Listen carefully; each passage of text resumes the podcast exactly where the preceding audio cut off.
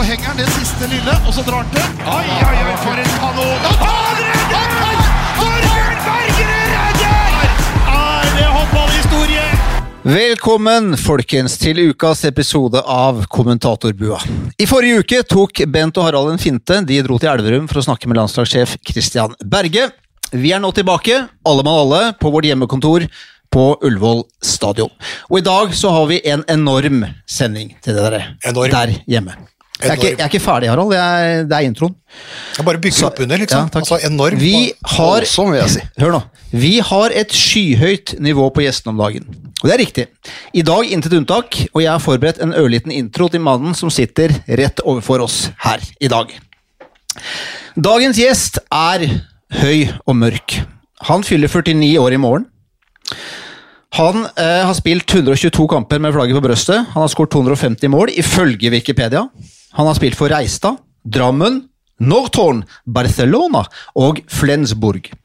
Han har felt noen tårer rundt eh, middagsbordet i Mesternes mester. Han har vært assistenttrener for Norge, han har trent Sankt Halvard, og ikke minst, han er svensk landslagssjef og kom hjem fra Egypt med en sølvmedalje i trillekofferten!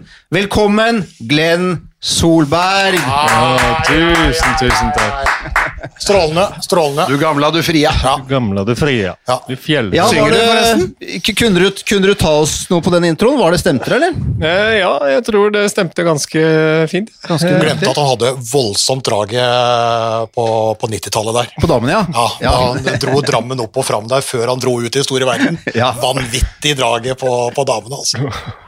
Ja, det husker jeg ikke noe. Nei, det, er- det er like greit. Men Faye, du har jo en historie med Glenn, har du ikke det? Um, jeg kjenner Når du, altså, du reiv jo ned for å komme til Altså, ti år brukte jeg på å lage urett til Norges beste håndballag. ja, det, det, Ja, og så kom du. det gjentar du til det kjedsommelige, og det har vi hørt nå. Og, og den, den ligger på YouTube enda. Er- når. Glenn Solberg og hans eh, Drammen opp og fram. Det er riktig, jeg kan fortelle. Det var første kampen i 97. Vi skulle spille mot Drammen, uredd, og de avsluttet da med en Var det en femdobbel flyve, Glenn? Ja, det var, stemmer det. Ja, Femdobbel og Den kom på Sportsnyhetene. Heldigvis så satt jeg på benken. Det var faren til Michelle Laba som sto i mål. Alexander Laba, eller Sasha Laba. Ja, eller Liaba, som vi sier, vi som kjenner. Ja, vi kalte den Laba, eh, og kjente den, altså. Og heldigvis så kom jeg ikke på banen på den kampen der. Det er jeg glad for. Når, når begynte du å klappe? På andre flyveren? Tredje? Alle, alle urespillerne sto og klappa på tredje flyver. Og da var det Glenn, og så var det Bjerkreim, og så var det mål. Det stemmer. Det var, det var Drammen Uredd, det. altså. Ja, Drammen Uredd. Ja, for jeg husker den, jeg husker den femdobbelte flyveren, men jeg husker ikke at det var mot Uredd. Nei, Det var Drammen. den var, det var klasse. Det var uh, Play of the Day på CNN, var det ikke? Jo, det jeg tror jeg, jeg, jeg, tror Jeg tror den gikk, jeg tror den gikk worldwide. Ja, ja, ja, For det var jo et eksepsjonelt idrettsøyeblikk. Noe å være stolt av. Ja, Faye har vært på CNN, altså. Faye har vært på CNN! Ja, men da må du ringe en i live? Du var ikke hos Larry King live? Nei, det var, eh, det var gode minner, men det var vel, det var vel jubelsesongen deres, var det ikke det? Den, eh, Eh, også- 90, var det 97? Eh, 96 var 96, 97. Da må du svare én av dem. 96-97, ja. Det var da vi vant. Europacupen, ja. Ja. Ja, en av dem. Ja, 95-96 vant E-cupen, riktig, og, så var det, og, så, og så var det ut i det store eh, utlandet da, Ja. for de beste spillerne. Mm. Drammen, Drammen var store Drammen var store på den, eh, på den tida der. Det var, eh, det var bra, det. Vi var gode. Uh, Men, men uh, tenk på deg, Glenn, og dere landslag. Hva husker du av, hva husker du av nasjonalsangene? Du gamla, du fria? Kan du Du, den. Fjellhøga nord. Ja, og så Du tysta, du glede rika skjøna. Og så er litt, den er litt vanskelig, den neste der, så den vil jeg ikke vil jeg ikke gå meg inn på. Og så er du ganske ny òg. Jeg er ganske ny. Men, Men synger du? eh, Men jeg synger, ja. Ja. Eh, Jeg har eh, tenkt litt på det der, men eh, jeg kom frem til at jeg må respektere Sverige. Eller jeg har lyst til å respektere Sverige og det svenske landslaget, så derfor øvde jeg fælt eh, før eh, min første landskamp og prøver å synge med så godt jeg kan. Ja, så du, du har den egentlig inne. Du har den ikke inne akkurat nå, men når du får litt hjelp av resten av gjengen, så, Ja. så har du den. Når jeg står ved siden av Bokvist så hører litt på han, så er jeg med for fullt. Ja, mimer. nei, nei, nei, jeg synger. Jeg synger. Men, men hvem er finest? Ja, vi elsker deg, eller du gamla, du fria? Ehm, det, er, det er litt sånn vanskelige vanskelig spørsmål, er det ikke det? Eh, Og det kommer til å bli flere av dem. ja, det gjør det, ja. Så. Så- så da, det da, da er det sånn hjemme uavgjort borte, uh, hvor man eh, sier at begge er like fine. Du bruker helgardering på det første, ja, men du er nødt for å ha noen sikre så du kan ikke helgardere alt. ja da, da tar jeg helgardering på den. Ja, det er, det er lov, det. Det er det.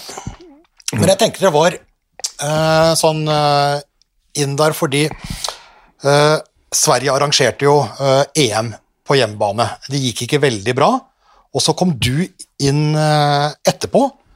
Det var Altså, hvordan, hvordan ble du henta inn? For ja, du var en strålende spiller eh, i sin tid. Du har vært eh, assistent på det norske landslaget, litt under Hedin og litt under Berge. Så har du holdt på med Sankt Halvard, altså med all respekt. Har vært i eliten og i førstedivisjon, altså det er ikke noe sånn Altså Vi prater ikke om Barcelona og, og den type. Sankt Halvard, altså. Ja, så må du ikke hoppe, så må du ikke hoppe over. Han var jo i Flensburg, da. Jo, jo, jo, men litt sånn, trener, litt, som litt sånn som en, i altså, en i staben, ikke sant? Men trenererfaringen din er jo ganske skrint til plutselig å ta på en måte et stort landslag. Så hvordan i all verden kom det i stand? Nei, eh, det må du jo spørre eh, svenskene om, men uh, Så det var ikke du som ringte? Det var ikke jeg som masa, det var ikke det. det, var ikke det. Jeg fikk en hyggelig telefon uh, en uh, novemberdag der hvor jeg det fikk spørsmål om, om jeg var interessert. Og det var jo selvfølgelig overraskende og veldig glad for. Så var det en lang prosess utover, utover året der, og til slutt så var det jeg som, eh, som hang, hang fast. og det er jo veldig gledelig. Jeg er veldig glad og veldig stolt over det, selvfølgelig. Eh, Men eh, det er jo riktig som du sier, jeg har ikke, jeg har ikke trent noe verken norsk eller utenlands topplag eller noe landslag tidligere, sånn sett. Vært hovedtrener, så Men ja, jeg, jeg tror på meg selv og tror at, at vi skal få det til. Ja, det, det, det du, har jo, du har jo noe godt i bagasjen nå. Ja, altså, så han, har, han har jo spilt i de største klubbene ute i Europa, og han har stått som playmaker for Norge. Og det er klart at når du står som altså, skal, ikke, skal ikke snakke ned noen andre posisjoner når folk er trenere, men det er klart at du har en del ting under, under huden når, når du har stått og vært spillfyrer for eh, og styrt, styrt systemene. Så det, er jo, altså, det, ligger jo, det ligger jo en bit og en greie der som, som er naturlig å kunne ta. Og så har de jo stått med fantastiske trenere i, eh, i flere klubber. og sikkert og fulgt Kent Harry opp igjennom eh, fra, fra Drammen opp og fram. Så, så noe vil jeg jo formode at du har snappa så lenge du har valgt å ønske å gå den veien, da. Å bli trener og være trener, og gjennom å være, være de tinga, så er det vel, tror jeg, da, at det kan være hyggelig og greit å være et sted som Sankt Halvard, og fortsatt ikke for å snakke ned de, men, men, men hvor det på en måte er muligheten til å teste ut ting, gjøre ting, altså både lederskap og måten du skal spille på, måten du angriper de forskjellige tinga på, det kan, kan du jo høste store erfaringer ha, hvor ikke det er det trøkk og det presset rundt. Ja. Ja, og som spiller så var jeg jo en, også en leder på banen. eh, Og jeg har også jobbet som leder etter min spillekarriere i, i forskjellige firmaer, så, så, den, så en landslag handler jo mye om lederskap, i hvert fall det er min mening. Ikke mm, de få treningene jeg har eh, mellom eh, Eller før kamper. Eh, Det er jo ikke så veldig mange, så det er ikke så mye vi får gjort eh, på de, på de få treningene. Så jeg opplever jo at et landslag handler mye om, om, om å få folk til eh, å prestere de få gangene de møtes, og det handler mye om lederskap. Det husker jeg, da du kom tilbake, eller hjem igjen fra Flensburg, da, og gjorde et comeback sammen med Frode Hagen og sånn i, i Drammen. Der. Da jobba du i Gjensidige. Du var sånn mellomleder i Gjensidige. Ja. Jeg fikk jo en del sånn ledererfaring i, i det sivile, da. Var Ja. det flere jobber der òg, eller var det uh, nei, jeg jobbet jo i Noranna som leder uh, også et, etter Gjensidige, og ja, jeg har vært, eh, vært leder og tatt en del uh, lederkurs, både på Olympiatoppen og med Hans Trygve Kristiansen, og ja, også selvfølgelig mastercoach, da. Så har jo både litt erfaring som leder, men ikke på, på toppklubber, men ja. Det, det er litt interessant, fordi jeg husker ja, det, vi, det vi hørte av Glenn Solberg på den tiden, så sa jo du veldig klart at, eh, som Harald nevnte, at du skulle inn i næringslivet. Du var på en måte ferdig med ballen, du ville gjøre en karriere i næringslivet. Hva var det som gjorde at du, du Nei, nå, nå er det håndball som gjelder, nå skal du bli trener. Hvis du allerede hadde en god karriere og en god eh, Ja. Ja. Nei, jeg var veldig ferdig med håndball eh, etter min eh, aktive karriere og var helt, eh, helt ferdig. Og skulle begynne å jobbe på ordentlig, på ekte. Det var liksom planen. Skaffe en ordentlig jobb, ja. Ja, det var det som Det var det som var planen, og det var planen hele veien. En plan som kanskje ja, satte seg fast litt. Jeg, I etterkant så er det jo noe jeg angrer på, at jeg dro hjem to år for tidlig fra utlandet. Og ja, jeg skulle absolutt hjem og, og begynne å jobbe på ordentlig. Men eh, når Hedin ringte og lurte på om jeg ville bli trener for et yngre landslag, og fikk muligheten og fikk mer og mer eh, lysten på å komme tilbake til håndballen. Eh, og det var veldig gøy. Eh, og så har jeg jo bra kompetanse og fin erfaring, og syns det er gøy å holde på med ting jeg kan eh, godt. Så jeg fikk mer og mer motivasjon og mer lyst etter hvert som tiden gikk. da. Jeg syns det er kult da at Sverige som tar sjansen på deg, selv om du altså, har, eh, har altså, en ganske bred erfaring, da, med unntak liksom, av trener på toppnivå. Så når, det da, når de da flopper i EM, så er jo du klar til å overta. altså Kontrakten din ligger der allerede. Så satser de da på, på deg, og det er jo en sjanse å ta. Det er jo det. Uh, ja, altså, Glenn nikker nå, uh, Ja, bare, ja, ja. bare så dere vet det. Ja. Men, men, og så ender du ut med VM-sølv. Er jo helt fantastisk. altså Ikke at du famler i blinde eller i mørke, men du tar en sjanse. Mm. Og så kommer du ut med det. Det må jo være fantastisk deilig for Sverige og for deg. og alt det er eventyr. Ja, det er helt uh, over all forventning og utrolig gøy, selvfølgelig. Og en ting er resultatet, uh, men en annen ting er jo måten vi både spiller på og vi fremstår på. Og, ja, det, det er kanskje det som gleder aller mest òg. At vi, vi Det er ikke noe tur eller flaks eller noen ting. Vi, vi spiller fantastisk håndball. Vi uh, fremstår som et lag i alle deler av spillet, og vi, vi har fantastisk harmoni i, i laget, og det, det er ja, det er jeg stolt av. Ja, Du sier tur nå. Begynner du å svorske Ja, litt, rann, eller? det er Ja, håpløst. men jeg det med en som var i språkforvirret. Skval, altså. Det er, mange, det er mange som bruker tur, da. Det er jo på en måte et svensk ord som er i det norske. Mm. Men, eh, men du, du begynner å blande mye, ja. Ja, språkforvirra. Helt uh, håpløst. Klar det. Jeg, jeg ringte til Glenn her om dagen, så sa jeg ja, du skal vel ta ut uh, Ja, ja, OS-troppen kommer i morgen. Du har kutta ut OL, du prater om OS og olympiske spelen. Ja, Lekene, lekene er borte. Det er spelen. det er spelen, Det er, eh, ja, det er en drøm. Men, men jeg tenkte på uh, uh, Du får den jobben, du får den utfordringa. Uh, Sverige flopper, så du skal på en måte prøve liksom å få den gamle storheten opp og fram. Eh, tar over der på våren, og så får du jo koronaen midt i fleisen som alle andre. Hvordan ble egentlig det derre 2020? Ja, hva ble det? det? Det ble mye munnbind og mye karantener. Eh, Men eh, ja, det ble ikke optimale, optimal start. Det ble ikke det. Eh, Så vi gjorde det beste ut av det, og jeg vært, brukte jo veldig mye tid på å reise rundt og snakke med spillere, treffe spillere, bygge relasjoner og ja, lære folk å kjenne. Det var um, hovedoppgaven min den, det første året, uh, og fikk jo gjort det til en viss grad. Og det tror jeg har, eh, he- var helt avgjørende for at vi skulle lykkes eh, i første mesterskap. At vi, vi kjente hverandre ganske godt eh, når vi starta. Ja, For som svenske så fikk du lov til å reise rundt. Berge er jo lenka fast på Elverum, men du Ja, På Teams? ja det, det er vel lov å reise, men man må bare ta karantener og må ta tester og sånn, så, og være forsiktig. Og det, det, det var jeg jo. Hvem reiser du med da? Reiser du med Bokvist? Reiser du med et, er det team, eller? er- Ja, det har vært litt forskjellig. Jeg har reist litt med Bokvist, øh, og så har jeg reist mye med, med, med Richard, øh, som er fystrener. øh, For jeg jobber i den svenske olympiske komité, som jeg har fått veldig god kjemi med. OS-komiteen, OS ja. ja. Ja, OS. Og Tobias Carlsen har vært med, og vi er et team når vi er ute og reiser. Og, Så det, ja, det er veldig, veldig gøy og verdifullt. Så fikk du et par sånne EM-kvalkamper i november, da. Mm. Men, men inn mot det eh, VM i Egypt, da, eh, inn der Det var vel Altså, vi har pratet litt på at Norge hadde litt sånn vanskelig inngang, men det var vel Det kan ikke være et land i verden som eh, altså Med unntak av de der smånasjonene Kapp Verde og noen sånne koronautsatte, som hadde flere utfordringer enn deg, med skader, nøkkelspillere som sa nei, koronasmitte og karantene Det må jo ha vært et lite helvete. Ja, det var, ikke, det var ikke en perfekt opplanding, det var ikke det.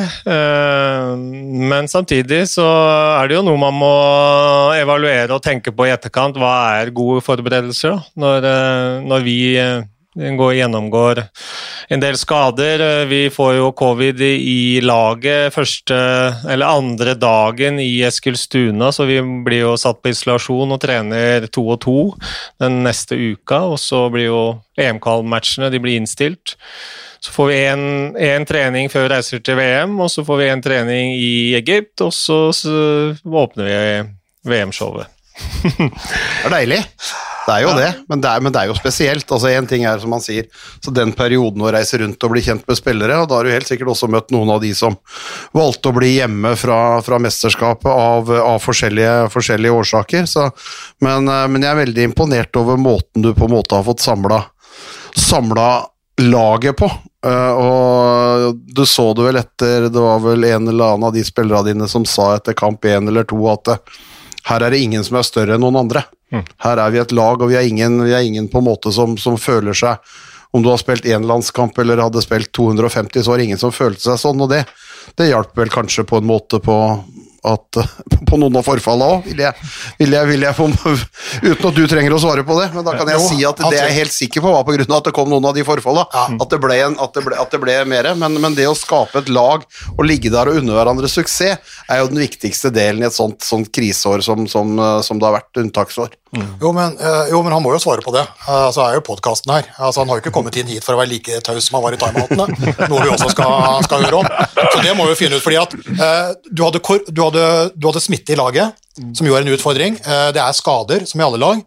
Men altså for folk som følger med håndball altså Niklas Ekberg, Lukas Nilsson, Linus Arneson, Andreas Nilsson, Jesper Nilsen altså dette her, er, dette her er store spillere i Sverige. Eh, og de hadde verken korona eller var skada, men de takka nei til å bli med til, til, VM, og du måtte da hente inn uh, erstattere. Altså, hva var det som var viktig for deg å få til, da? Nei, er, For meg så er det alltid viktig å ta med de spillerne som vil være med på landslaget. Som uh, syns det er gøy å være på landslaget, og som er ydmyke, og som er uh, nysgjerrig, og som har lyst til å bli bedre, og som jobber hardt for laget. Det er liksom de tinga som, som, er viktige for meg. Uh, og da er det jo, som Bent sier her, da er det jo samme om du spiller i toppklubber eller i bunnklubber eller i Danmark eller i Sverige. Det, det, du skal blø for, for drakta, du skal være stolt av å spille på landslaget. og du skal jobbe hardt for hverandre, og da, da tror jeg du kan få gode, gode resultater med et lag. Da. Det er eh, det, Du vinner aldri, mm, aldri noe med, med enkeltspillere. Nei, det, og det viser jo litt fram. Altså, vi snakker jo hele tida i verdenshåndballen om den store bredden i Danmark, og den er stor og den er, den er, den er større, men du viser fram en ganske stor bredde i svensk håndball også, med, med, tanke på de navna som du leser opp, Harald, på, som, som, ikke er med og som blir borte.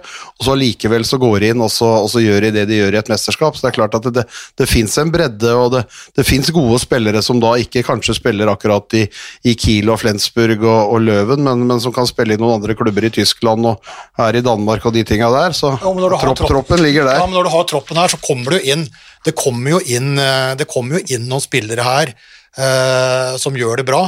Altså, det er jo ikke, altså, Jonathan Karlsbogar, er det, er det, gitt at han på en måte skal bli en stor eh, VM-spiller? Og Felix klar, og vi kunne ha ramsa på, ramsa på, ramsa på. Mathias Gitzel ble det jo også, så det er klart jo, det er mulig. Men, men, hva var det du tenkte, altså, hva var det du måtte få til, og hvorfor fikk du det til? Det er, det er, en kombinasjon av mye, tror jeg. En av tingene vi snakket om, det å bygge relasjoner, er én ting. Men eh, det er, som Ben sier, det er ekstremt mange dyktige håndballspillere i Sverige. Eh, og Karlsbogård spiller i Lemgo. Han har en stor rolle i Lemgo. Spiller 60 minutter. Han spiller både forsvar og angrep. Han spilte, han spilte ni kamper og hadde 0-2 minutter og spilte midtforsvar i, i, for Sverige og fikk sølv. Ehm, så ja, eh, I mitt hode så er eh, han og mange av de andre fantastiske håndballspillere og, ja, og like gode som de andre. Men du og teamet ditt da, det må jo ha på en måte skapt en eller annen stemning eller en eller annen tro på det? For en gikk jo nesten på vannet her til, til slutt. ja. Ja, vi, vi starta jo 10. mars øh, året før. Øh, og satte oss ned og ble enige om hvilken, hvilken retning vi skulle gå, hvilken verdi vi skulle stå for, hvilken, hvilken øh, overenskommelser som vi skulle skulle, skulle, kjennetegne oss. Og vi var veldig opptatt av verdier og holdninger eh, og hvordan vi skulle fremstå som liksom bygge, bygge grunnen fra dag én, og det har vært viktig for meg òg. At, at vi, at, vi, at vi blir enige om hvordan, hvordan ting skal være. Og det, det, brukte vi også veldig mye tid på i Eskilstuna når vi ikke hadde mulighet til å gå i hallen. Så, så vi, snakket vi mye håndball eh, og hvordan vi skulle spille, både forsvarsmessig og angrepsmessig. Og vi var veldig enige og tydelige på hvordan det var. og det fungerte veldig bra, altså, må si det. Men verdier og spill, altså hva er de to tinga? Hva, hva var nøkkelverdien i laget? Nei, det er eh, det vi har snakket om, respekt. Eh, alltid laget foran deg selv. Glede. Glede. Glede. Glede. Glede. Det er så deilig. Ja, det kom glede. Musikk, det bygges ut av glede. Av glede bygger man musikk. Jeg er, kommer på Skansen. Musikk i ørene, det. Glenn Solberg på Skansen. Det blir! Nå, ja, ja, men, men, men uh, spillprinsippet nå, en har jo ganske liten tid til å, til å drille inn noe her, så, mm. så hva var det dere på en måte ønska å framstå som spillemessig? Forsvarsmessig så var det jobbe hardt for hverandre, stå kompakt i forsvarsspillet, og hjelpe hverandre. Eh, forsvar for meg handler mye om innsats, vilje eh, og, og litt samhandling og litt eh, taktisk forståelse, selvfølgelig. Men det handler jo ekstremt mye om å jobbe hardt for hverandre. Jobba, jobba, jobba. Jobba, jobba hardt. Og, og ja, vi slapp inn 24 mål i snitt på ni kamper i VM. Vi skårte 32. Uh, så veldig, veldig fornøyd med det. Uh, og igjen et lag eh, sammen er eh, mye bedre enn en enkelt eh, mann som skal stoppe en enkelt spiller. Det, hvis vi klarer å stå sammen og kompakt sammen, så, så er det mye bedre enn én eh, og én. Ja. Eh, og kontringsmessig så var det å løpe, løpe, med hele laget, som vi var opptatt av. Det hjelper ikke om kanter og linjeløper, men at vi løper med hele laget og, og uh, får med oss uh, seks spillere i kontringene, som vi også lykkes, lykkes med. Og angrepsmessig så så var det eh, disiplinert, tålmod eh, og, og eh, bredde i spillet som vi hadde fokus på. Enkelt, men, men vanskelig å gjennomføre. Men det, det, klarte vi også. Vi, hadde, vi skårte mål, ekstremt mye mål fra kantene. Vi hadde masse mål mellom ett og to i mesterskapet. Ett og toan. Ett og toan, ja. Og ja, vi lykkes veldig godt med, med, med det vi det vi ønska å ha fokus på. Men, men, var det, bare for å spørre, var, det, var dette, altså når du kom inn i landslaget, var det en spillefilosofi som du på en måte arva og meisla til, eller tok du med deg mye av det du har lært som din tid som spiller? Uh, det er vel både òg. Jeg er jo oppvokst med svensk trener og svensk håndball, så jeg er jo gjennomsyra med kollektiv, uh, både forsvar og, og anfallsspill. Så, så det var ikke noe Det var en god match. Det er en veldig god match, uh, jeg og, og det svenske laget. Så, så det, det, er noe som ligger i bunnen i Sverige. Eh, og jeg var vel kom inn og var tydelig på det. Ja, fordi uh, i suksesstida, da du liksom ramla ned fra høgda på Reistad der og ned til Drammen, og de hadde suksess, så var jo det med Kent uh, Harry Andersson, ikke sant? Mm. Altså en, en, svensk trener som jo da også seinere var i Flensburg, og som jo også da har blitt brukt som mentor rundt, uh, rundt det norske laget. Så det er jo på en måte da altså, kanskje en av de du har hatt som, som ledestjerne? da? Ja, ja, absolutt. Jeg har hatt en ti år som trener og lært eh, ekstremt mye. Jeg har lært håndball av han, liksom. Så, så det er jo helt klart eh, den, den, treneren som har betydd mest for meg sånn eh, håndballfaglig. Men rett før VM, forsto jeg det rett, at du reiste litt sør i Sverige og traff Bengan, Bengt Johansson, altså den legendariske treneren fra den gangen hvor Sverige tok annethvert gull, og vel så det? Mm. Ja, jeg eh, hadde en, eh, en lunsj med han eh, Jeg husker ikke helt når det var, nå, men det er vel et år siden nå. Så var jeg hjemme, hjemme hos han og, og, hadde en god samtale med han. Og, ja, det var hyggelig, det. Men han hadde ikke tro på laget overhodet før VM. Han var som alle andre. Det her, det her går ikke. Alle andre, ikke alle andre eksperter, ikke sant? Alle, alle andre eksperter prøver å rekke opp hånda, de som trodde at Sverige skulle spille, spille VM-finale. De er det ikke mange av. Bengan var jo en av de som ikke var det. Og det var kanskje, altså ut ifra forutsetningene, så var det kanskje Ja, det lå vel ikke i korta? Nei, det, det jeg kan jo ikke si noe annet enn at det var, eh, det var overraskende for de aller fleste. For deg òg? Ja, for et VM-sølv. eh, Man drømmer om det, men man eh, har ikke forventa det med, med bare så, så kort tid. Planen er jo å vinne noe om tre til fem år, men eh, å få et VM-sølv nå i, allerede i Egypt, det, det, det kom fort. Kan det bli en hemsko, eller? Kan Nei, suksess, den direkte suksessen liksom bli nå Nå får du et helt annet trøkk. Altså Egentlig så hadde du en OL-kvalik som, som du skal ha etterpå, hvor Slovenia og Tyskland er der. Mm. Altså Hvis ikke dere nå da kvaler til OL, blir det da en sånn eh, Nedtur, ja. Ja, det Ja, det, det skal veldig mye til for å ta ett steg opp, da, så er det veldig mange steg. ja. Nei, den stigen. Hadde det på en ja, måte vært greit at OL hadde gått forrige sommer, og så hadde du på en måte kunne nå venta et år og spilt et EM igjen? Ja, nei, nei jeg, jeg skjønner hva du mener, og det blir jo større forventninger jo mer, eh, bedre man presterer, men vi er eh, veldig tydelige på at, eh, at vi har en langsiktig plan. eh, Både vi som lederteam og, og, og Håndballforbundet, og den skal vi holde oss til. Og vi vet jo det at, at ikke alle, men mange kan prestere bra i ett mesterskap. Men det å ligge og kjempe og fighte om medaljer i hvert mesterskap, da, da kan vi begynne å snakke om favoritter, og vi kan begynne å snakke om uh, å bli skuffa hvis vi taper uh, en OL-kvalik som, som vi gjør nå. Eller, Men også flyten inn i mesterskapet, hva og viktig var den liksom med et relativt ferskt lag og ferske, ferske ledergruppe? Altså, det å vinne der altså Jeg tipper jo at eh, det å slå Egypt med den ene golden der var, var altså, da, da flyter du jo på en måte videre. mm. Ja, det er jo Idrett handler jo mye om mye, mye mentalt, det òg. Det er klart at det hadde en en, eh, en viktig årsak at man eh, Spesielt første matchen mot eh, Nord-Makedonien, hvor hvor vi virkelig forviste oss fra den akkurat på det settet som vi ønsker. og Det gir jo selvtillit både til oss ledere og spillere, og det bygger seg på. Etter hvert så følte vi at vi bare skulle gjenta det vi gjorde. Ja, for spørsmålet er, Bent, som du sier, altså, blir det en hemsko? Altså, Du pika så voldsomt i Ja, første forsøk jo- at fare for nedtur er der. Eller er det slik at det faktisk nå er enda lettere å selge budskapet fordi at det har jo virka? Ja, ja det, det er helt klart at budskapet blir enklere å, å selge nå, fordi vi har lykkes med det vi har snakket om. Uh, og vi har vært veldig tydelige også at uh, det her handler ikke om uh, dette ene mesterskapet, det handler om svensk håndball over tid, og det handler om å bygge noe som, som er stabilt over tid, og det er det vi ønsker. Så vi, vi, vi kommer til å være best om tre til fem år, det er jeg helt overbevist om. Faen nå, unnskyld.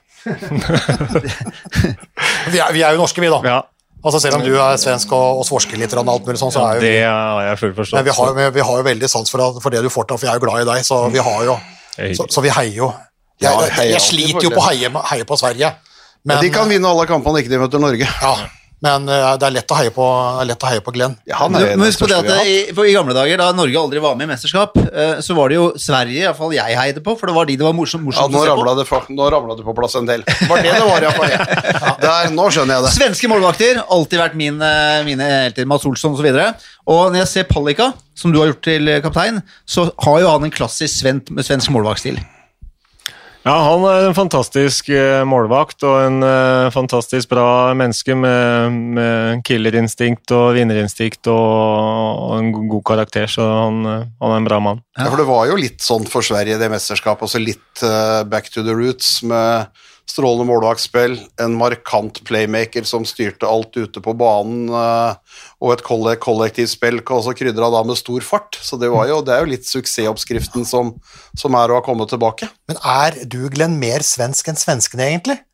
Altså mer enn oppveksten med, med, med Kent Harry og alt det greiene der? Altså med kollektivet og Har du begynt å snakke svensk òg nå? Medelsvensson og husvagn Nei, vi legger om til svensk, ja, men faen! Hva, hva, og hva, mulig. Altså, er det, har du blitt så inn i hampen svensk at uh, du, det er ikke noe, du må lykkes i Sverige? Ja, nei, jeg tror det er en veldig god match.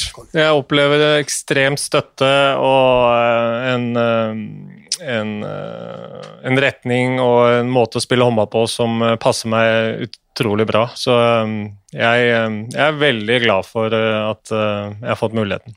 Det er jo, og det er jo ikke noe dårlig læremester, Kent Harianersson, du, eh, åssen en snuvrir og vender på det. Så sjøl om han, altså, han kom fra Sverige til Norge og til Drammen, så har han jo hatt en stor karriere etterpå. Altså, han har vært ute i, i store klubber i, i utlandet og vært, eh, vært, en, vært en markant skikkelse. Og så falt jo han også da litt for det svenske grepet at når de er ferdige og har lagt opp og skal være litt trener og mentorer, så havna jo han også i Norge. Ja. Det er jo, det er jo hyggelig. Mats Olsson er, uh, mista du jo nå. Mm. Uh, fra, fra keeperteamet ditt, som, som nå da ikke får lov av det norske håndballforbundet å være svensk eh, landslagstrener lenger. Så vi må, vi må ta det der det er mulig å ta dem litt. Vi er, vi er Da har vi sendt Altså. den over til Sverige, da kan ikke han ha de der eh, norsksvenskene. Da må vi få dem hjem igjen. Mats Olsson, han kommer hjem. Nei, men, men, men, Det var dårlig gjort. men av alle grepene, da Vi nevnte liksom uh, skader, de store stjernene som uh, sa nei, uh, koronaen som kom. Men du tok også et veldig sånn omdiskutert grep. Gottfridsson, som jo er en eh, playmaker, altså en ledertype, altså litt sånn som du var sjøl når du var spiller, eh, har på en måte vært, eh, vært liksom kaptein og playmakeren og ekstremt sentral, var da uh, kaptein. Og så tar du fra han kapteinspinnet, og så gir du det til, til målvakta. Palika. Hvorfor det? Um, Fordi han var på bytur uh, sammen med et par kompiser. Han var på byvandring. uh, han var på bar, bar under én på hjemmebane i Malmö, eller? eh? Nei, vi, vi starta med blanke ark, vi. Eh, 10. mars i Hamburg. eh, Og alt som hadde skjedd, eh, la vi bak oss, og så så vi fremover. Og mm, jeg, jeg ser det ikke på den måten. Jeg valgte en kaptein. Jeg tok ikke bort noen fra den, den posisjonen. Og, og kaptein er ikke noe som man blir valgt for i, i årevis. Eller det, det gjør du deg fortjent til. Og for, for vårt lag og for meg så var, var Pallika den riktige kapteinen, med den karakteren han er og de, de verdiene han står for. Så, så var det viktig for meg også å bruke ressursene der de er eh, aller best. Og, og Jim er en fantastisk håndballspiller og er en fantastisk leder på banen, um, og det viste han jo til de grader i VM, eh, og eh, det gjorde han og imponerte, imponerte meg stort. Så vi ønsker å bruke hans krefter og ressurser på banen. Ja, for vi så jo det, at han var jo han som øh, var Han styrte timeoutene blant spillerne. Mm. i hvert fall det, av det vi så på TV, at det var han som styrte og ordna og pekte osv. Så, videre. så Så det er jo åpenbart at han øh, fortsatt har noe å si. Ja, det Ja, jeg er jo igjen eh, oppvokst eh, og eh, vært en playmaker sjøl. Og styrt skutene der jeg har vært, og for meg så er det helt naturlig at den personen også styrer spillet. Så vi legger en god gameplan og har i forkant bestemt oss for hvordan vi skal spille, og så er det jo de som er på banen som må styre det. Vi hjelper de, hjelper de, den, de ja, som eh, noen eh, kjente har sagt, vi hjelper de to tredjedeler, og så får de ta de riktige beslutta den siste tredjedelen. Men det kunne jo se ut som en eh, avskilting, og spesielt med den barhistorien i bakhodet, så kunne det på en måte virke litt som, som en opprydding også, men, men kanskje kan det være da at du blir kvitt én ting? At du ikke trenger å ta totalansvar, men at du kan konsentrere deg om spillet? Jeg vet ikke om det... Ja, det var sånn vi, vi tenkte, eh, og at eh, vi ønska at han skulle bruke all energi og ressurser på det han er aller best til, og det er jo å styre et eh, angrepsspill. Og også for noen andre som er gode på, på det og de andre tingene, være, eh, være leder der, og så får vi et team som fungerer sammen.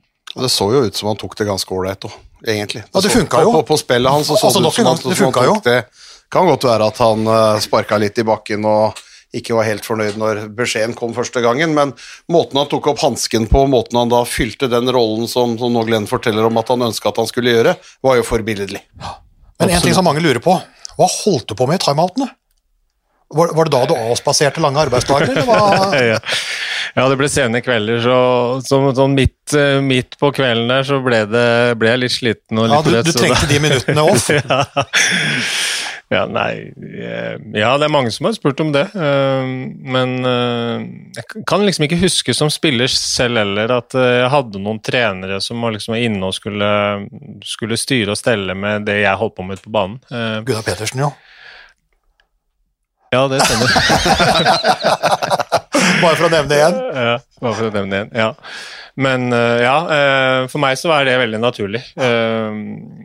Så at han, han har oversikt og kontroll på det som skjer på banen, er, er for meg veldig naturlig. Ja.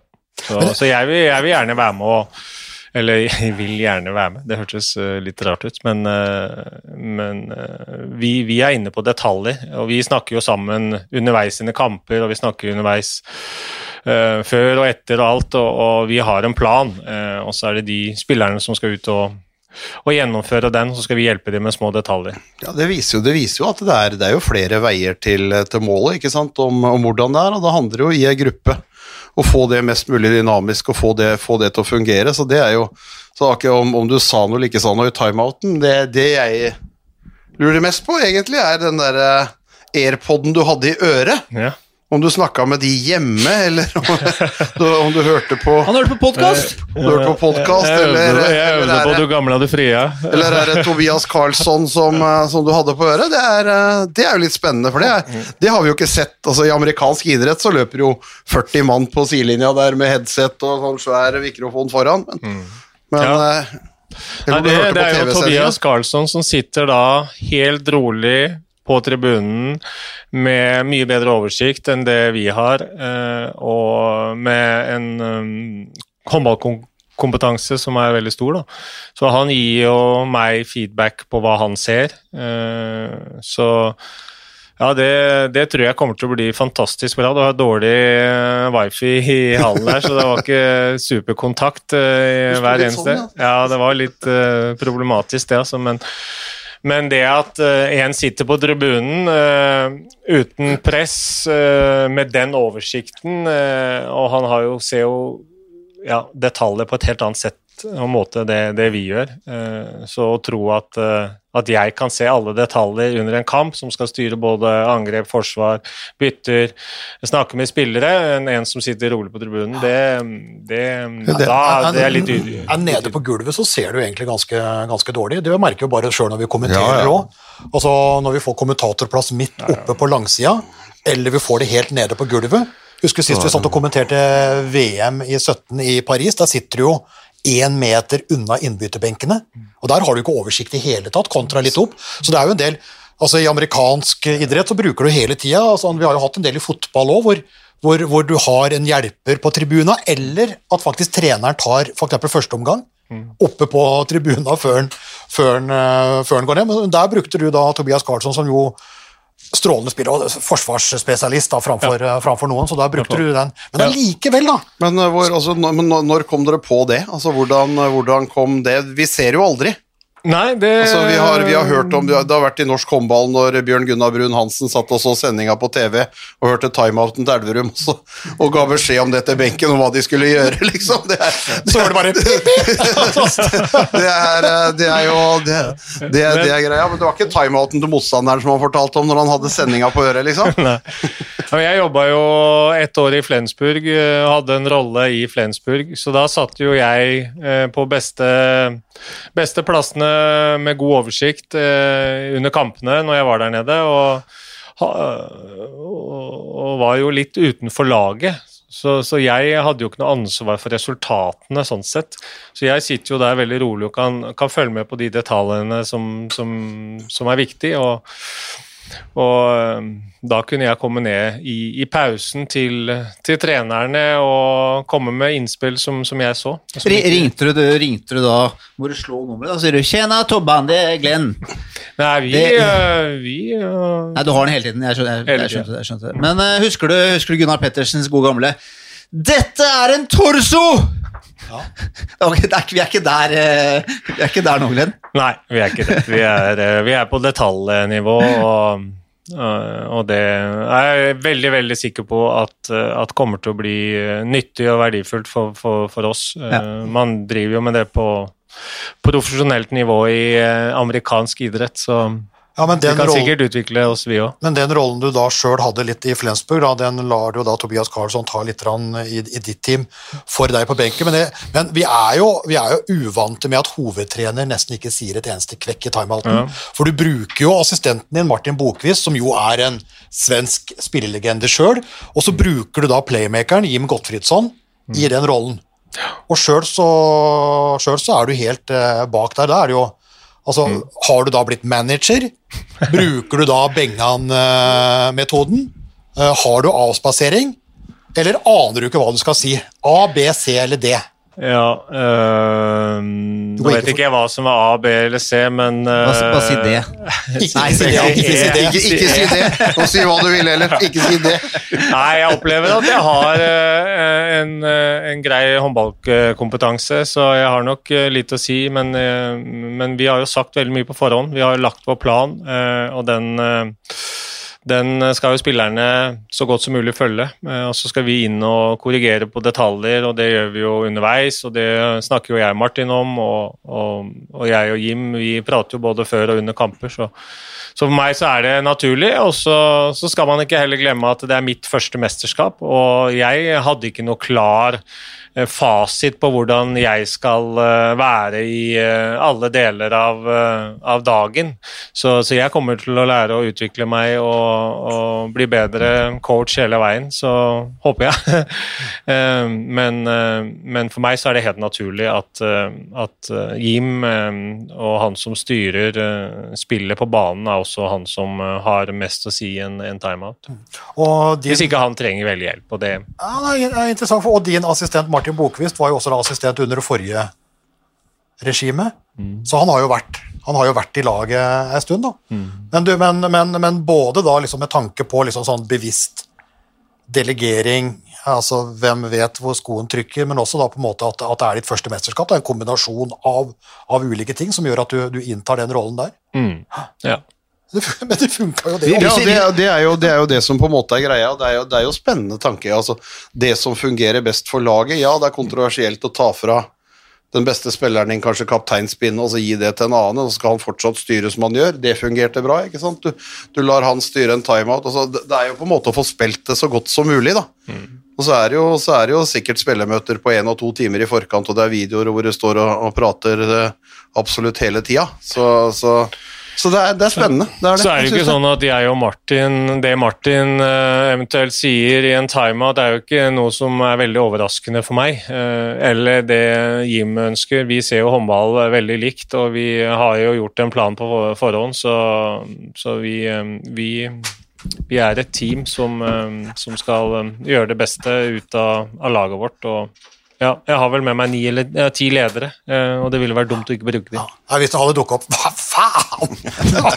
Martin, hva faen?! Hva var det du sa nå?! Ja, det, Ja, hadde vært, det, det kommer sikkert, det kan også skje, eh, men da tar vi det kanskje etter, etter, liten oppgradering på de Jeg syns at du skal kjøre en sånn amerikansk fotballheadset Ja. med sånn derre svær eh, Det hadde vært mye fettere enn de der spinkle airpodsene. ja. Eh, eh, jeg jeg syns ikke det, da. Nei, okay. Jeg syns jeg ikke det. jeg tror det hadde blitt voldsomt. det kommer til å fungere ja, bra med AirPods. Det er, jo, det, er, altså det, er, det, er jo, det er jo den nye teknologien som dukker opp og kommer. Vi ser jo han, han treneren til det fotballaget ditt, sitter ikke han og ser på en iPad, da?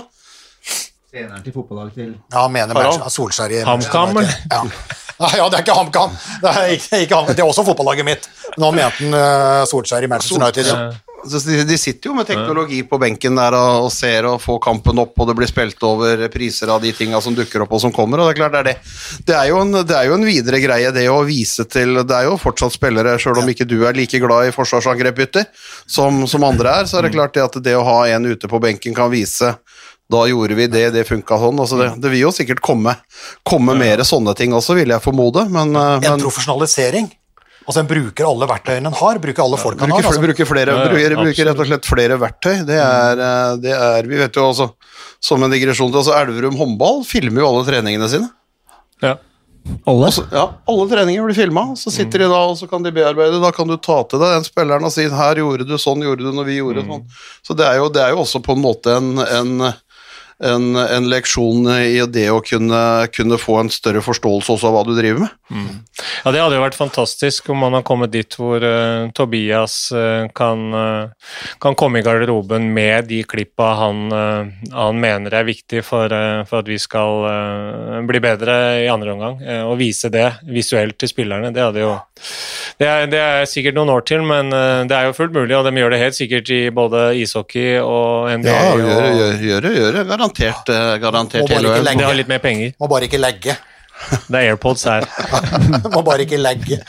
Men, men, men øh, nå kom du inn, Uh, unge, unge ung og fremadstormende, og hadde jo da knallsuksess. Altså Det var jo VMs store positive overraskelse. Og så er jo da veien videre fram.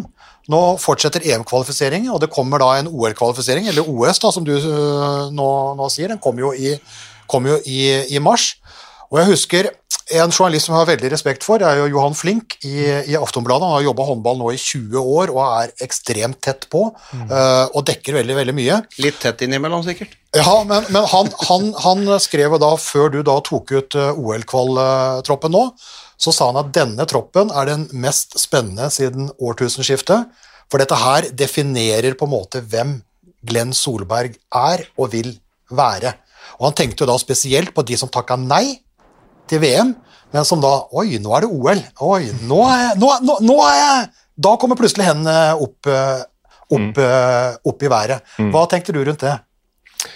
Nei, jeg hørte han skrev det, og ja, vi, vi har valgt retning. Det, det er helt tydelig. Vi har valgt, valgt veldig tydelig retning på hva vi, vi ønsker av spillerne, og hva vi, vi ser etter hos, hos spillerne. Så det jeg tenkte, og som jeg tenkte før VM, var at jeg har lyst til å ha med meg de spillerne som har lyst til å være med på landslaget, eh, både eh, medgang og motgang, og de som, eh, som er ydmyke, og de som er nysgjerrig, og de som jobber hardt og vil bli bedre. Det er det vi ser etter, og at det skal passe sammen i en gruppe. Men forstår jeg mantraet ditt rett da, at det handler ikke om å ta med de beste, men de som er best for laget?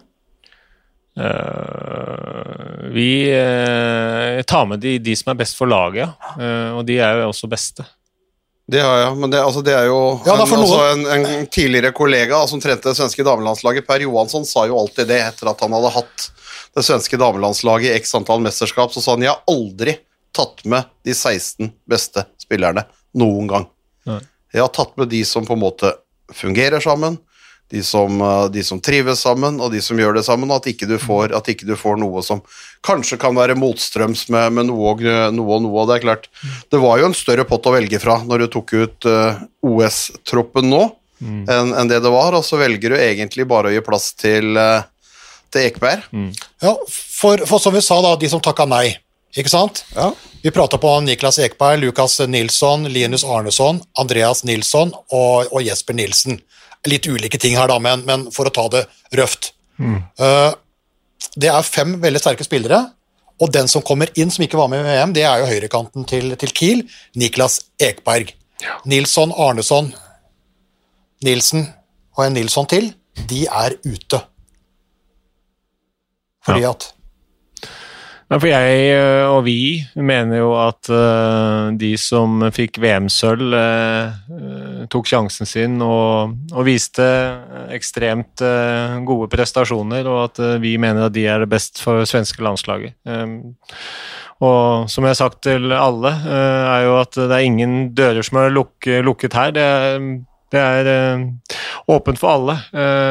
og de, de, som vil spille på landslaget, det, det, det er muligheter, men da må man prestere bra. Så Niklas Ekberg han smatt gjennom uh, luka nå, men ikke de andre? Verdens beste høyrekant bytta ut mot Krins er god, han er født mm. i 2000, liksom, så erfaringsmessig når du skal inn i det greiene der, så, så, så er det kanskje det mest naturlige, naturlige valget av det hele, da. Ja, det, var, det, er vanskelig å komme utenom uh, Ekberg når, når han vil, uh, vil, spille. og Han takket jo nei pga. covid og, og bekymringer for det. og men han som jeg sa til han òg, han satt jo oss i en vanskelig, en vanskelig, vanskelig, situasjon ved å takke nei både i, november og, og til VM. Eh, og det var, ikke noe, det var ikke noe enkel avgjørelse, og det var ikke noe enkel telefonsamtale til Walter heller, selv om han er født i 2000, som du sier. Så, så, så kjente jeg veldig på det, men eh, samtidig, han er så så bra. Han er kanskje den beste i verden på sin posisjon, og da ja, ja, mente vi i hvert fall. Nest beste da, Lasse Lie er best. Lasse Lie, ja, ja, han kunne blitt det, faktisk. tror jeg. Hadde ikke truffet Gustav, så hadde han kanskje reist ut, han òg. Lasse Lie var fantastisk. Til syvende og sist. Men det er klart det at, eh, det at eh, men Ekeberg har også vært tydelig på det i de intervjuene han har gjort i og rundt uttaket her nå. at uh, nå, Han har sagt nei for siste gang. Sier han nei en gang til, så skjønner han at ikke han er med i noe landslag. Det, det er han jo ærlig på sjøl òg. Ja. Så, så, det er eh, Og de som da sier ja til OS-kval, sier vel også ja til å spille OS. Visst fan. Ja. Men nå, nå, kommer den kvaliken. Eh, vi var jo vi var eh, i Elverum forrige uke og prata med din kollega Christian Berge. Og spesielt da, for de lagene som skal ut i kvalik nå, og så er det utsatte EM-kvalkamper og alt mulig, så kommer det jo en sånn helvetesuke mm. i mars. Ja. Det kommer altså altså I tillegg til at OL-kvaliken er nå det tøffeste som finnes, fordi det er tre kamper på tre dager, der OL og EM og VM i seg sjøl får stadig flere spillefrie dager, så er altså OL-kvaliken, altså kvaliken til det viktigste i en håndballspillers eh, liv, det skal foregå altså fredag, lørdag, søndag. Mm. Tre kamper på tre dager. Uh, og Dere er jo tøff gruppe. altså Det er jo mm. Tyskland og Slovenia og, og Algerie. ja. Så det er mye tøffere enn Norge, som har Brasil og, og Chile og Sør-Korea. Og så legger de en EM-kvalkamp liksom tidlig i uka. Ja. Det er herlig.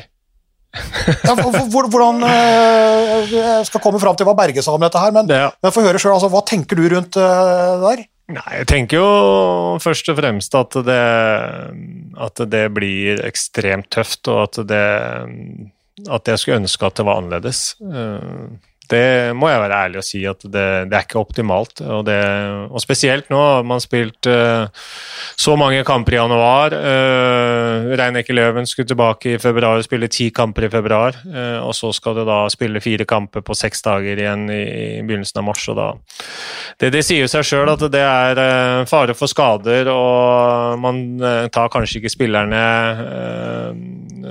ja, Nå er Glenn forsiktig. Dette er galskap. Dette er meningsløst. Dette er rett og slett en, en, gambling med spilleres helse, og de skal sende de rundt omkring. Eh, så altså, det, er, eh, det, sa vi, det sa vi til Berge, så de burde jo gjort noe helt annet enn å gjennomføre de kampene. Ja, Berge mente jo at i denne pandemien Uh, og med det spillerprogrammet, altså Kiel som fikk koronasmitte igjen nå, før den koronapausen, så skulle de spille resten av sesongen som et mesterskap omtrent. Altså med kamper annenhver dag og, eller tre kamper i uka på det, på det letteste. Mm. Han mente at i denne pandemien Du kan ikke liksom sope opp alt i én ting. Dropp kvalifiseringen. Kjør OL-plassene på ranking. Det hadde vært noe. Det... Du støtter den? Ja, det, det, hadde kanskje vært det beste for, for oss også, uh, og for spillerne. Uh, jeg er mest opptatt av at uh, spillerne blir behandla med respekt, og, og at man aldri går på bekostning av helsa. Og det, det, er jo liksom Man ligger jo og balanserer nå, og kanskje er over, ut ifra den situasjonen vi er i med, med covid og, og, så mange kamper. Vi, vi regna litt på det i går, at, at Flensburg og Kiel skal vel ha tre kamper uh, i hver uke nå de neste 130 dagene. Ja, og, det, og, det, og, det, og det, det sier seg sjøl, og da ser du galskapen som ligger i det. Og det det ender med til syvende og sist, er jo det de egentlig burde frykte mest. Det er at de beste spillerne, som da er de som spiller mest i Champions League, mest i de viktige seriekampene, mest på landslaget, at de må ta et valg, og må velge bort noe.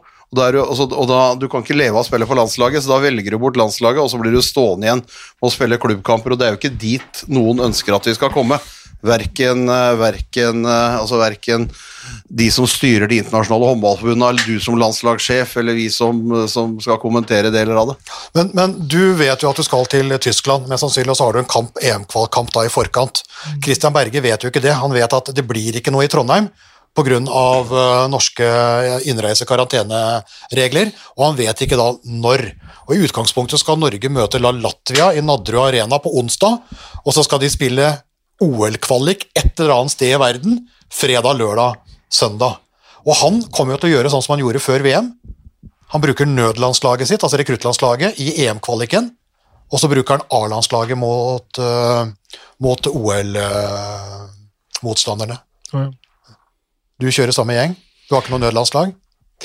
Nei, jeg har ingen nødlandslag. og ja, Vi har jo vært gjennom en del uh, utfordringer uh, den siste tiden, som vi har snakket om her. og og En ting er at jeg, jeg syns det blir tøft, men en annen ting er at vi, vi, vi, må bare gjøre det beste ut av det som er situasjonen. Og så må vi matche laget vårt så godt som mulig i de fire kampene. og Vi kommer til å stille med det beste laget mot Montenegro hjemme. Det er en viktig match for oss. Eh, og gjør at vi, Hvis vi vinner den, så kan vi være et veldig stort steg eh, inn i et EM-sluttspill eh, neste år, som blir viktig. og ja, det kan jo hende at en, en, en, kamp er en god trening også inn mot et eh, OL-kval, så mm, vi, eh, vi, er innstilt på å møtes og gjøre en, en god uke og matche lag. Men sånn kjapt, hvordan ser den uka, uka ut? Nei, Vi møtes eh, mandag til lunsj og eh, testes, og så får vi jo krysse fingra og se hvordan ja. de resultatene blir. Og så eh, blir det kanskje en, en styrkeøkt på mandag kveld. En rolig Nei, en, en gå-gjennomgang på morgenen på tirsdag med taktisk hva vi skal gjøre. Og så blir det kamp på tirsdag kveld. Buss til Berlin på onsdag. Uh, trening, én uh, håndball, en uh, normal håndballøkt på torsdag, første, og så smeller det på, nei, på fredag mot Tyskland, lørdag mot Algerie og søndag mot Slovenia. For et program, altså. Det er, er vilt. Det er, galskap. Det er, det er reinspikka, reinspikka galskap. Og du, altså, de, kan, de, må jo ha funnet på dette på et julebord. Ja, og, og, ja, og, og de, de, spillerne kommer jo ikke fra Granca.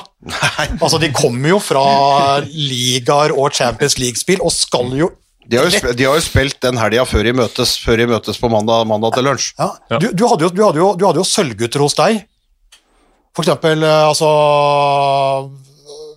Gottfridsson, Hampus Wanne bl.a. tok sølv på søndag, eh, og var i Hviterussland og spilte Champions League på torsdag, liksom. Ja, ja det, det, er tøft, eh, tøft å eh, være på toppen. Det, er, det var ikke Løven ute og spilte allerede og på, tirsdag? tirsdag. Allerede ja, på tirsdag? Ja. ja, men de hadde ikke noen som spilte i finale på søndag. Men her har du finalister på søndag, ja, ja, ja. som da er, er et Altså, finalister i Afrika som spiller da Champions League i Hviterussland i Europa, altså med noen dagers mellomrom. Altså Det er jo så gærent som det kan få blitt. Er Lagergren, Lagergren og Pallika, vel? Mm. Ja. ja. Mm. Ja, men uh, de, de, sto over. De sto, de sto, sto jo over den matchen der. Ja, de sto over. Mm. Uh, og Det var jo Europa, Europaligaen, de Flesburg-spillerne, blant annet, de, de, de spilte jo. Men, men, det er jo ikke slik at, det er jo ikke slik at alt var bedre før, men uh, jeg vet ikke.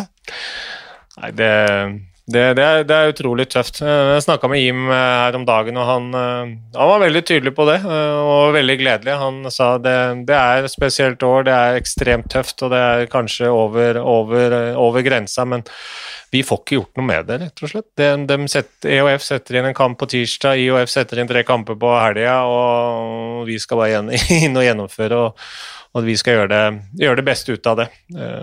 Så blir det viktig for oss å matche laget på en Ja, for konsekvensene er jo voldsomme. ikke sant? Altså, du kan ikke la være å møte opp, da får du ikke spille EM, eller møte opp, så får du ikke spille OL. Du kan ikke, du kan ikke, du kan ikke la være å trykke. Altså, det er klart, Montenegro er jo et, er jo et håndballag òg. Mm. Så Det er en viktig match for oss. eh, Det er det. Ja, det er bare å krysse, det er bare å krysse, krysse, krysse fingre. Mm. og se. Før vi begynner å runde av eh, litt, ja. alt mulig, så ville du egentlig vært norsk landslagstrener? Om jeg egentlig ville vært det? Ja. Jeg er utrolig eh, glad for og stolt av å være svensk landslagstrener, og um, det matcher veldig bra. og eh, Jeg er veldig motivert for den reisen vi skal inn i nå, så, så jeg er veldig glad for det. Hele Så jeg, helgardering er der òg. Han starta med, han starta, han starta starta med med en helgardering. helgardering, så avslutter med en helgardering. Ja, ja, det funker, det. Ja. Eller halvgardering. halvgardering. Da får du riktig, gjør du ikke? Ja, Med kan få. helgardering. Ja, helgardering. Da, da kan du ikke bomme. Nei, da kan Det jeg er, ikke det er helt, det er helt eh, uttrykk å bomme. riktig. Jeg er veldig glad for å være i Sverige. Det er det. Men du har jo sagt litt om ambisjonene. altså Nå traff hun jo veldig med, med, med sølv i første forsøk, i en plan som egentlig ligger sånn tre-fem år tid. Eh, Men hvordan, hvordan, eh, hvordan ser du på Norge og Sverige, det parallelle løpet der videre? Danskene har jo vært litt uh, på topp, Skandinavia markerer seg. Hvordan ser du utviklingstrekka i de to landene? Du kjenner jo begge godt.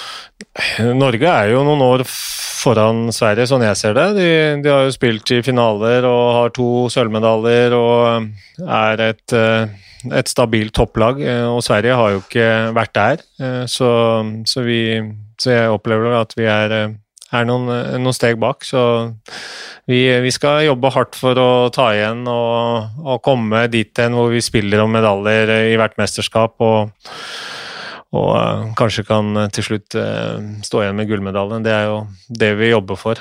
Eh, og gjerne et OS-gull. To, ja.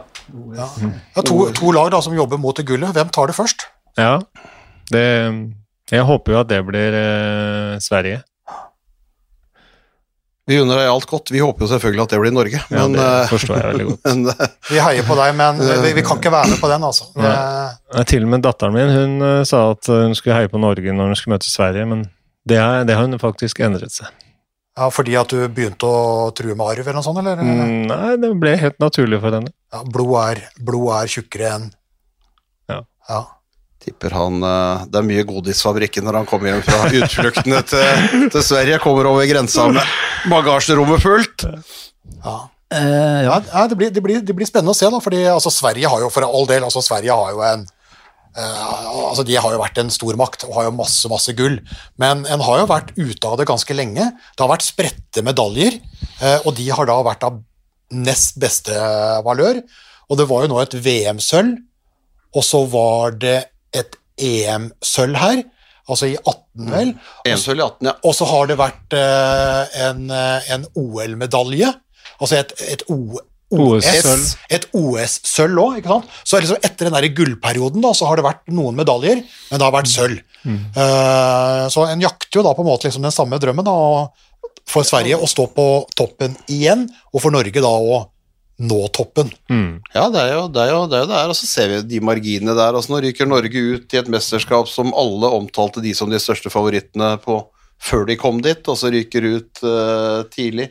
Vi hadde et dansk lag som var uh, verdensmestere, som kom til et EM i fjor og er borte før i det hele tatt uh, de skulle begynne å spille som noe annet enn deltakerdiplom. Så, så, så det, er, det er klart, det, margi- marginene er små, men det er det å treffe der og være der oppe da hvor, hvor på en måte de er altså Frankrike i perioden sin var der hele tida. Sverige var der tidligere, danskene har jo vært eh, i den siste perioden der. Norge med tre av fire semifinaler på, før, før mesterskapet her. Så, så det er jo det å gjenskape og gjøre det, og da blir det, da blir det jo spennende på en måte hvor Altså, å gå fra å være der nede og ingen har tro på deg, til å komme hjem med et sølv og alle står og hyller og skriker, og så, og så har du på en måte ikke fått pakka det ned i skuffen engang før du skal ut og prøve å kvale det laget til et OL, og, og, og hva da? Kvaler du ikke dit da, liksom, så, så blir det den derre Den hedmarske går ikke. Nei, dette går ikke. Kan ikke gå, dette. Nei, dette er ikke mulig. Nei, han, han, han jævla nordmann. Dette er ikke mulig. Nei. Dette kan ikke gå. Kan ikke gå, det.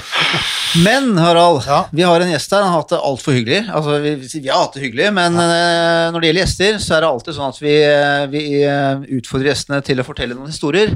Og, det har vi, og det har vi ikke forberedt deg på. Nei, det Men jeg har alliert meg med jeg har, alli- jeg har alliert meg med to av dine tidligere lagkamerater. Ok. Kan du gjette hvem det er? Når jeg sier to litt tidligere lagkamerater, kan du tenke hvem det kan være? Uh, nei, For- for jeg håper jo Eller Frode Hagen bør jo være en annen. Frode Hagen er en av dem. Ja. Jeg er livredd for han andre. Ja, det er jeg òg. Og, og andre Tidligere podgjest. Ja, tidligere. Det er Svenna, selvfølgelig. Svein Erik. Sven Erik Geir Kraug. Men, men jeg, Da må vi be folk skru Ja, er podden det litt på vent, for la barna. Sensure. Da, da går vi opp i 18-årsgrense. Jeg må starte med Frode, for jeg spurte jo Frode er det, har, du noe, har du noen historie med Glenn. Ja. Det har han selvfølgelig hundrevis av. Ja. Men han sa Be han fortelle den gangen hvor de delte rom i et Oh, eh, ja. mesterskap, hvor han eh, våkna opp på en litt spesiell måte. Ja, ja det, det tror jeg faktisk var i Sverige, og jeg vet ikke om det var mesterskap, men, øh, men vi, jeg og Frode, vi har jo delt seng øh, kanskje mer enn øh, noen andre, og mer enn konene våre, Eh, så vi vi har et ganske avslappa forhold til hverandre. Eh, Så det var, eh, var sikkert vært eh, lenge borte, eh, merker jeg. Fordi når jeg våkner, så så ligger eh, svære Frode Hagen ved siden av meg, og uten at jeg tenker så mye over det, så lener jeg meg over og kysser han fint på, på, på, på bicepsen og legger meg rolig tilbake og føler jeg har, eh, har min kone ved siden av, men det var, eh, det var svære bamsen. Så han ble litt forskrekka. Han, han var vel litt usikker noen sekunder der, men det gikk bra. ja, det er, Det er, det, er veld, er veldig, det er veldig søtt, da, men dere Ja. var jo nesten som et ektepar, dere òg. Ja, vi var det. Altså, Bent og jeg er jo også, etter å ha jobba sammen i 20 år, nesten som et ektepar, men vi har jo stort sett separate rom, da. Ja. Eh, Men et par ganger i karrieren vår så har vi jo måttet, eh, måttet dele rom, og vi har vel ikke vært så tett på det, men, eh, men jeg, Nei, ja. det, er, det er mulig å kjenne det igjen, ja. Ja. Nei, den bicepskyssingen den, likte jeg faktisk. Ja, det det er nydelig. Det var jo søt, det var jo Og det var uskyldig. Og så sier han også det at eh, spør Glenn altså Glenn må fortelle om uh, løpetestteknikken sin. Ah, ja, Ringer det bildet da, eller? Ja, det, uff, ja, den er jo pinsam. Den er pinsam. Um, jeg har aldri vært noe glad i å Eller løpe. pinlig, som vi sier i Norge, da, for, for, for norske lyttere. Så sier vi pinlig. Vi Er det ikke spiller inn en pod etterpå på norsk. Ja, jeg har aldri vært noe god, glad i å løpe langt, nei, det har jeg ikke. Eh, Jeg syns det var gøy å løpe håndballbanen, men langt eh, ikke, så, så jeg hadde do- eh, i hvert fall ikke sånn supre mm, testresultater på, på Cooper og sånn, så jeg prøvde meg litt fram. Så første året i, i, i tysk, tysk profesjonelle lag, så tok jeg den intervallmetoden hvor jeg eh, s- spurta uh, 300 meter, så gikk jeg 100 meter, så spurta jeg. Og jeg tror jeg fikk min beste resultat der. Var- Men, men de andre tyske spillerne var ikke veldig imponert. Er Odde Sønderål gjorde det en gang, og han testa på en 1500 meter eller noe. Han gikk bånn gass, og så gikk han rolig og skulle gå på igjen. Det er bra, bra teknikk, altså. Det er helt vanlig, er det ikke. Nei, og ikke spesielt imponerende. Nei, så det var, det var jo da de rolige spørsmålene fra Frode. ikke sant? Eh, fra Svenna så er det ikke så ille, men han, han, han sier spør om eh, han noen gang ble lurt med på motorsykkeltur. Uff, ja. ja, han lurte meg ordentlig. Det var jo det var jo veldig lenge siden eh, TV3 hadde det der eh, komplottet, var det det det het? Komplott, ja. Ja, ja. Hvor uh, man ble lurt. Og jeg ble jo ordentlig lurt. Jeg skulle, hadde lyst til å ta motorsykkellappen, og, og fikk jo muligheten da selvfølgelig eh, gjennom Svein Erik og skulle få gratis lappen og greier. Jeg var ute på øvelseskjøring, og sykkelen stoppa utenfor Hells Angeles på Slemmestad. Eh, og, og de begynte å Og der kom jo en hel gæren gjeng ut og, og skulle, skulle ta meg. og begynte å, husker jeg den begynte å skulle strippe en sykkel oppe i gata òg. Og de stjal alle delene til den sykkelen. Og så gikk de inn i bula si igjen, og så kom politiet og lurte på om jeg hadde sett noe. Uh, og da kikka jeg på den kniven og de Hells Angels-gutta, og så sa jeg nei. Jeg har ikke noe. så, ja, ja. så der uh, så du at uh, lojalitet, hvor lojaliteten lå. Det var gikk hos politiet. Ja, herlig. Ja, kudos til uh, Bjerkreim, selvfølgelig, som tar deg med på sånne eskapader. Ja. Og så sa han også helt til slutt uh, Vi skal til Fangene på fortet, som var et populært program på den tiden. Spør hvordan det gikk med gåtene du skulle løse, og om du liker skorpioner. Jeg, jeg vet ikke noe, så jeg Ja, gåtene det, er jeg vel heller ikke noe god på, men det kan jeg ikke huske. Nei, ok, men det var Eh, kanskje jeg var jo selvfølgelig inne hos de der skorpionene og skulle ta ut eh, disse lappene som hun skulle hente ut på ryggen til skorpionene. Og det, ja, det var helt jævlig. Det, jeg hater jo krypdyr, og da var det selvfølgelig jeg som måtte inn der. Så det, det, det var sikkert en fryd for folk å se på, men eh, Men det er ikke noe toppidrett, det. nei. Plukke på skorpioner. Nei.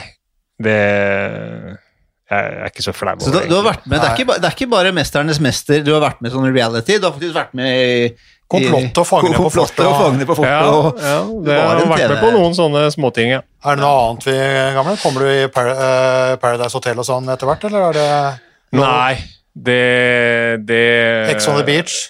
Hva, he, hva heter det på Sverige? Fa, uh, på Slottet? Det er noe med Slottet. Ja. Den hvor de møtes tidligere idrettshelter, og så snakker de uh, oh, ja. Jeg har ikke hørt om den, nei. Det er noe sånn hver, hver gang vi møtes, bare med idrettskjendiser. Okay. Nå som du har blitt svensk, mener jeg. Ja, ja. Ja. Nei da. Eh, Jeg har vært med på noe, men ikke, ikke så mye. Ja, Konsentrer deg om å trene Sverige, du, det beste Jeg tror det er, jeg det beste det det reality beste. nå er jo å få Sverige, Sverige tilbake på gullsporet, antakeligvis. Ja, ja, ja. og der har du kommet, kommet veldig godt i gang. Det vil bli en fin historie. Ja. Ja. Det får vi satse på, at ikke, Ja, du, blir, at ikke du blir stemt ut. Ja. det kan også fort skje i idrett. Det, er, det, er det noe torpe kjendis hvis du blir stemt ut som, som landslagssjef? Ja. Hvor, hvor drar du Ja, det er det. Nei, altså hvis du, hvis du ser, ser da eksempel på, på, på håndballverden da, eh, og, og, og Sverige på en måte som en sånn toppnasjon, og da er du inne liksom på, på Farmen, eller Farmen kjendis, og så blir det stemt ut der, eh, da er det Kapp Verde. Det er Kapp Verde, Ja, Ta være. Kapp Verde med full korona. Ja. det er håndballens, det er håndballens torpe. Ja. Og da dukker faktisk Charter-Svein opp som assistenttrener. Assistent, ja. Det og Linni Meister, faktisk, som, som målvaktstrener. Og, og Frank, Frank Løke som, eh, som coach, selvfølgelig. Ja, ja. Da har Kanskje Kanskje Rimanic sitter der òg? Det der var jo en jævla god idé, faktisk. Kanskje vi skal vi lage, vi må pitche, vi må pitche kanskje, Harald. kanskje vi skal, kanskje vi Synes du det, skal tipse, tipse TV 2 om, eh, om det? Ja. Lager en pitch der. Håndball på fortet? Håndball på fortet. Nei, men Nei, håndballtorp. vi se. Nei, men nå er det snart, er Ja, snart er sein lunsj. er er. Eller tidlig, eller tidlig middag. Tusen hjertelig takk, Glenn. Fantastisk at du tok deg tid til å, å snakke, med, snakke med oss. Nå skal agenten vår selge den uh, podkasten her til Aftonbladet. Det er Ja. Og, vi, og vi gjør akkurat med deg som du gjør med Ekberg og to ganger Nilsson og Arneson og Nilsen. Døra vår står alltid på gløtt. Ja. Det er hyggelig. Her har du er alltid, her har du Alltid alltid mulighet. Det bare å ringe og si, så kaster vi oss rundt. Er det suksess, som nå, kom til oss og prat om det. Mm. Er det litt mer traurige ting, kom til oss, prat ut om det. Spar mye dyr eh, terapi osv. Mm. Vi er alltid der. eh, alltid batterier i opptaket. Så skal du få en hjemmelekse. Det er å laste ned kommentatorbua, selvfølgelig. Du skal begynne å høre på oss, og du skal rate oss med fem stjerner. Fem stjerner, da. Fem Minst. stjerner. Minst. Minst. Det fortjener dere. Cinco Absolutt. estrellas. Nydelig. Takk for nå. Takk for vi kommer plutselig tilbake. Ja, det gjør tusen takk. Tusen takk. En eller annen gang. Hei og hå. Oi, oi, oi, oi, oi. Det er råsterkt. Så henger han det siste lille, og så drar han til. Oi, oi, oi, for en kanon. Han